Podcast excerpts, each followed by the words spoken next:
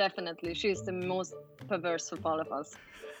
and probably that's why that's how she could make it so long in the ballet world. What, what do I know? Welkom bij Spring in het Diepe. In deze podcast ga ik, kunstjournalist Luc Hezen, in gesprek met makers wiens werk te zien of te beleven is op het Spring Performing Arts Festival van 20 tot en met 29 mei 2021 in Utrecht. Deze podcast is een samenwerking met online kunsttijdschrift Mr. Motley. Kijk voor meer beelden en informatie op mrmotley.nl. In aflevering 3 een gesprek met regisseur en danser Florentina Holzinger. Ze maakt voorstellingen die zich het beste laten omschrijven als een combinatie tussen performance, dans, ritueel en een stuntshow. Ook in deze voorstelling met de titel Dans, Dans, wordt alles uit de kast getrokken om je op het puntje van je stoel te houden. Uiteraard dans in verschillende soorten, maar ook naakte lijven, spuitend bloed, crossmotoren die boven het podium bungelen, sprookjesfiguren en lichamen die live op het podium gepierst worden. Ik doe een poging om dit spektakel samen met Florentina in woorden te vatten.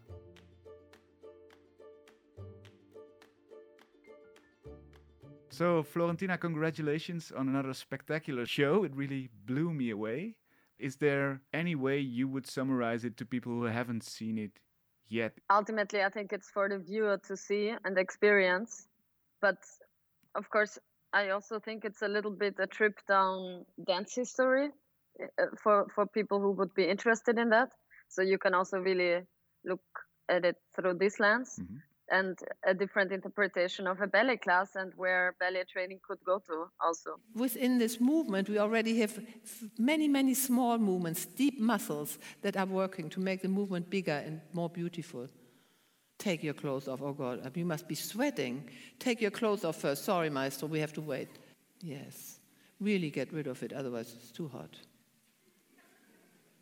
The show starts with a famous former ballerina that teaches girls to do classical ballet.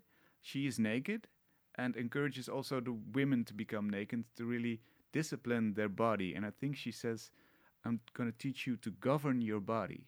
Yes. For me, it was important to call it governing the body. I mean, that she asks us to govern the body because this means something slightly different. It means also, I mean, I can only talk in back English about it, but it's like having control or taking control of your own body and through that uh, uh, doing the training somehow.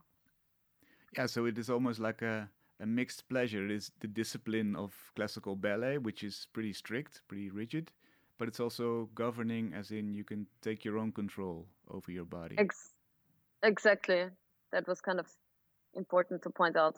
And then a few minutes along the show, there's also a sexual component to it. The teacher gets aroused, talks about masturbation for girls, inspects the vagina of the dancers even. And now put your legs in front like this, and the arms in back, and open your legs. So, uh, yeah, put your vagina on display so we can really look at it and enjoy it.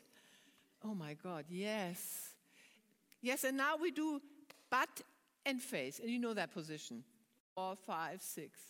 Wow! Wow! Ah, ah.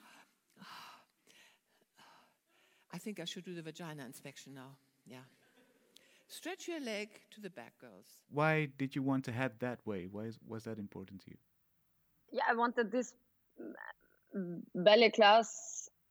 No, no, it was important for us in this show actually to make the connection clear between actually ballet as a dance form that has been constructed from the male viewer for the male viewer to expose a certain expose certain angles of the female body.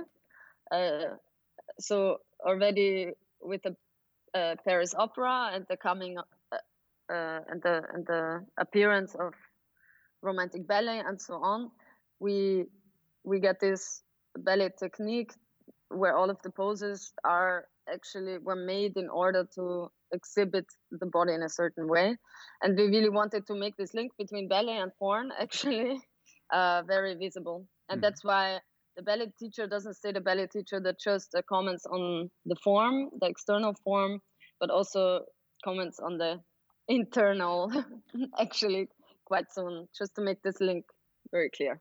The interesting thing is that these are all females, so you could say that the, the art form of ballet is made up for the male gaze, but Mhm. this is then internalized by all these women. They want to comply to this male gaze. Yes. Yeah, because we don't want to make it a super simple structure in that se- sense. It should really it should really raise questions as we do it, and not make it very easy to read. It's not a moralistic issue, you know that that how I want to talk about ballet or dance or any gaze. I want it to be, yeah, just putting certain questions into the room that I want the audience to have and choose themselves one what they what it triggers in them, so to Mhm. say. Do you think this is in the show an exaggeration of what is happening, or do you think this is actually these mechanisms actually are uh, within classical ballet?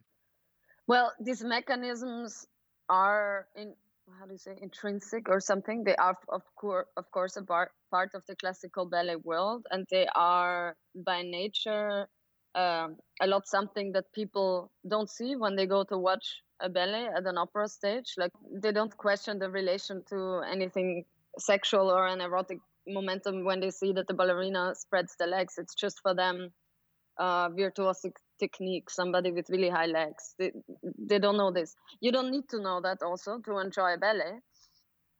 Um, it has for sure to do with that, and it has also to do with that we all come from dance. We're still, as a base, we were taught a lot the ballet class to teach us about lines, to teach about form, and to yeah discipline the body in a certain way, um, without having to place a negative judgment on that. I, I I love ballet, and that's why I wanted to be busy with it in that way as well, and really explore it. Is it also the basis of your own training as a dancer? It is, it is, but it was clear from the beginning I don't have the body for to really enter a classical stage, so that was never a fantasy or scenario. It was also not necessarily something that I would have liked to do. Like I always was very happy in the experimental space, but but yeah, definitely. Even in all contemporary dance educations that I went through, I had ballet on a very regular base. Do you think this topic is especially interesting nowadays when we have like a different look on the male gaze? Is it is it more important than ever to try to find these mechanisms in, for example, ballet? Yeah, of course. It's only now that we really, I mean, that we talk about what happens behind the scenes as opposed to only on stage. And I'm always interested in um, mechanisms and and how certain things come into being, but also if we see a certain form, know what is the training that we need in order to get there, but also what is the context of that training, what is that environment, and needless to say that of course um, yeah we have all of the big scandals around the ballet world in relation to hashtag metoo and so on. They have ha- happened in the last years. Um, so of course it's only now actually that we talk about abusive relationships also between teachers and students but also about the reality of ballet uh, treating the body in a very rigorous way that we can of course also question nowadays. And yeah we just had scandals also in austria where i come from about the behavior of teachers uh, in relationship to the students and this just all fell a little bit into place But doesn't it spoil the fun of or the beauty of ballet if, if you hear all these things? Can you still separate those two things, the beauty and the perverse activities? i think so i was not busy with those things they just happened parallel and i think um, what we have in common is the transparency which is always good no? That hashtag me too leads to us voicing things and and talking about certain things that a lot of people or mainstream viewers of ballet don't realize. So i think that's very uh, important and i'm mainly busy with making mechanisms transparent in my work as well. But i was not busy with hashtag me too or something like that as a starting point No. for my work. I was really busy with doing ballet myself with a group of people that I had chosen to dance with. So it really comes ultimately, it's an homage also to the ballet world. And it was more, okay, we want to dance ba- ballet. How can we do that in the 21st century? right, right, right. So make a new version of it. Maybe free it from the uh, from yeah, that exactly. Mhm. No, because these topics that we find in romantic ballets, uh, they will never grow old. I mean, it's the wish of the person to also become more than human or to elevate, to get off the floor, to fly. And that was really our initial wish, the endeavor of this of creating this show to really become these sylphides. Yeah. So the, uh, is is that what you feel is the beauty of ballet that you that you discipline yourself and try to become a better version of yourself, try to elevate yourself? Or how would you describe Yeah, I think so. I mean, this disciplining yourself that always sounds with that there is somebody with a whip or you have a whip yourself and you're whipping yourself to get into a certain form. But me coming from dance and also from sports, that's uh, second nature to to, train and that the training is not always something that maybe feels great or needs to feel great but it can be still a healthy approach to the body and um, yeah in that sense this i really want to question if everything that looks nice and pretty doesn't need to be doesn't need to have the relation to the way how it was constructed you know what people see in the end they don't really know what was necessary to get there. Plus, uh, something that might look really violent and horrible, things we also have a lot in the show about. Some people assume that this must be terrible, how you can get there, or why you would want to get there. And this can be also a very sincere, even body positive practice. Right. For example, um, this is more at the end of the show, but a, a, a girl has uh, like hooks pierced through her back and is, yes. uh, in my opinion, but I'm curious to hear about you, is, is sort of doing an, maybe a dance battle between classical ballet and more modern, maybe liberated take on dance. She's also a bit more heavy, I think, as opposed to like the pretty usually skinny dancers that do ballet. So there's a sort of clash, I think, between an old and a new dance world, so to say, and they both have their own beauties. Yes, I mean we have a changing cast for this action, and there are there are women of all different bodies and everything. So there was not really a conscious statement being made about body shape, but um, it was just really about this wish of the human being to fly, to take it really to the next level, and and and I was really busy with meeting people and having discussions with people about yeah physical suspension basically and that's where i got into a certain scene where people professionally train and perform body suspension and that's where this comes from. But ultimately it is like yeah how different ways of suspending the body of getting the body off the floor of defying gravity and of ultimately flying. And that was the closest that we could get to the actual flight actually. And so it's more she's just another type of fairy i would say. Yeah that's and she's she's really beauty and and i think she does challenge the sort of classical hierarchical way you could look at dance because it's it's so free and it's uh, there are no rules that apply to this so it's liberating i guess Yes, I guess so. And on the other hand, I think it's pretty obvious that she also, in terms of physical disciplining, it she has to undergo similar steps that we do in very rigorous dance training as well. And it, um, yeah, she also trained her body in a certain way to be able to relate to things like pain in a specific way in order to be able to do this.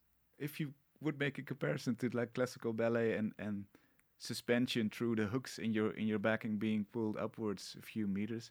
Which would you say is more disciplined? I cannot really tell. this really depends on the person, hmm. I would think. But it could be comparable. And actually, um, I don't know if you saw Lucy, for example. She is a dancer also, so for her there is almost no difference in doing that or in being in pointe shoes. To be completely honest, but yeah. So, what would you say is the difference between performing in a porn show and in a, a theater show or in a dance show? Hmm. Some people they might go to in a, into a theater show as if they were going into a porn show. So this doesn't apply for all audience um, but yeah, I guess the transaction is more explicit in a porn show. Show, of course, people expect sex. People get sex on screen or somewhere or live. Um, it's very clear the aboutness of this, and it's about satisfying a particular desire of the audience also in dance it's of course much more ambiguous. It's not about it's not that people necessarily go to a theater or dance show to get sex i mean uh, as an image or something like this not at all. But it always plays a part also when we watch other bodies on the stage. There is always also the erotic momentum. So it's in my opinion also being naked women on the stage it's a bit naive not to compare it at all because there will be this erotic momentum that you have to deal with or you might get sexualized even though you don't intend that yourself. Yeah and and i mean ultimately what were for us the similarities between porn and romantic ballet which to a lot of people might seem completely juxtaposing genres is that the way how the story is constructed the way how this how the characters are super over stylized to a degree that they are not depicting realistic personas but it's the witch and the prince and it's all of these um, super stereotypical characters that don't develop and that's very similar to porn. We also don't have developing personalities that we see there. Um, super over stylized almost to a degree that it yeah that it gets very grotesque very funny also at times actually because of that. Um yeah. What would you say is the most fun scene looking back on it? From our show? Yes. Or from some porn i watched. Well yeah. I'm not really watching porn so much. Okay. Shame on me. But um the most fun scene. Oh, there were several fun scenes. The vagina inspection is really one of my favorites because this is really where the ballet class suddenly shifts into something else and exactly shows this how close things that we think are so far apart can be actually and and and also because I love Trixie, no, our old ballerina that is performing the teacher, mm-hmm. how she manages to to flip uh, and and and all of a sudden people don't know anymore where they landed. Oh my god girls your vagina is beaming to me and I, my vagina is also feeling eh, oh god it's incredible. It's getting so juicy and it's getting so soft. Oh my god it's it's coming down the legs. It's running down the legs. It's too much for me. I can't take it any longer. Laura. That was not a role that i put on her but she really she the way also how she i mean she really comes from the ballet world and she did this for a long, long period of time and stuff but at the end of the day she also is very outspoken about having a dirty mind so she was never this ballerina princess that denies of having any sexual thoughts herself so that was really remarkable for me about her as a person also as a person of that age to talk about this somehow how old is she that she is 79, 80. Right. Yeah. Sorry, go yes. on. I interrupted you. No, and I mean, she really, when I asked her to perform for me, she said she wants to play a dirty old ballerina. And I was like, Are you sure? And she was like, Yeah. I want to do really horrible things, she told me. And I was like, okay. and was it important so, for you that there was still a connection to how it how things really are in ballet, or is it is it fantasy and is it uh, exaggerated? It's fantasy, but it's also really talking from the perspective of people who have lived this world, and in that sense, it is very authentic. I think, yeah, but definitely, she's the most perverse of all of us and probably that's why that's how she could make it so long in the ballet world. What what do I know? and um, when it comes to expectations of the audience, uh, there's an interesting point in the show where you talk directly to the audience, a sort of intervention, and and you you check in an I felt ironic way if they are satisfied, if they, ha they have enough nakedness to look at, for example. You you you make them feel less secure sitting there in the dark being the voyeurs that they are and having paid to see all these naked bodies. Um, sorry, I just feel uh, uh, I want to explain a couple of things at this point. Some are looking a little bit scared because I'm talking to you right now, and you are like, that, that, that means trouble. But don't really, don't worry. We are naked. I know that's pretty scary, but nothing is going to happen. I just want to make an experiment with you. Why did, was that intervention important to you?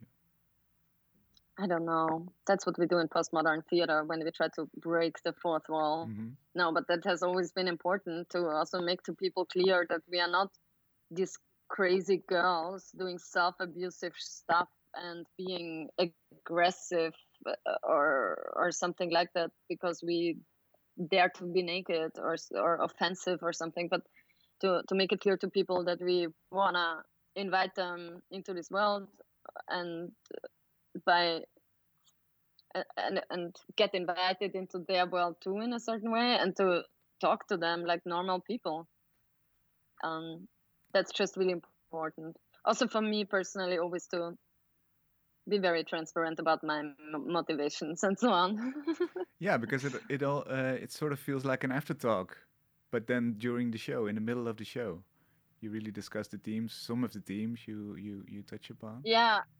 You know i hate aftertalks usually because it's kind of pointless after a show. What exactly do you need to talk about? I mean then everybody wants to know what was the meaning behind the shows but but you should know as you watch it or something and sometimes during the show when i have the feeling something was unclear then i like to just make a break and clarify things and really also open the possibility for people to ask their questions right away and then continue watching not having those questions pending in their head.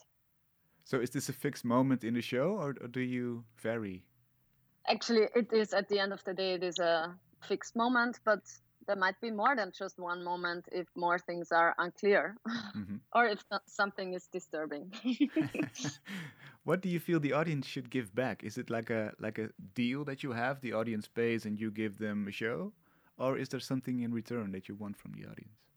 Well this paying the ticket is already a lot to ask i always find. I mean it's already great that they came there and committed to sitting on their ass and not interrupt or something like that I'm really thankful for that always. So I really do feel obligation to provide in a certain way and and provide an experience, you know. Um, yeah, in this particular show, this is not a spoiler because this I, I'm always looking for more money, and I make that very clear during the show because we are collecting money for a forest actually. Uh, we started this really before COVID. Now, now of course, got a little bit stuck so this is in the but, intervention where you ask for money, the audience he asks for money. Yes, but not money as in I want to take your money, but as in please invest in the growing of our forest. This is a bigger story which I will explain in the show, but but if you really ask me what do I want from them, a little donation to our forest actually. and let's continue this this dancing class because as you said it it starts with a classical ballet teaching class, and then it it well goes into all sorts of registers. This is sort of uh, we we go into fairy tale forest. There's there's birth. Uh, uh, Trixie, the dance teacher, gives birth to a, a, small pig. There's a lot of blood. It's a rat. Ah, it's a rat. Ah, wow. Okay, so I didn't see that correctly. Okay. Uh, there are wolves. There are ghosts it's pretty much straight on dance history. It's really a reflection on the romantic ballet works in general that were, you know, most of the time structured in first act, second act. The first act, super realistic, playing in the real world, and the second one where it drifts off into some fantastic realm or in the natural world into the forest, and where the fairies and spirits all of a sudden appear and animals and so on. So we really followed pretty seriously this narrative actually we love that narrative of course because we are also busy of coming from the real world and then transcending this somehow and also becoming one with nature and all of this and, mm. and and and entering a little bit this mystical sphere also where where magic can happen um, so that's uh, the fascination with romantic ballet, but with this particular work also. What is your idea of of art when you make a show? What what should it do? What what what kind of world should emerge? What would you hope a show to do? It should open the doors of perception. right. In a certain way, yes, but it should also.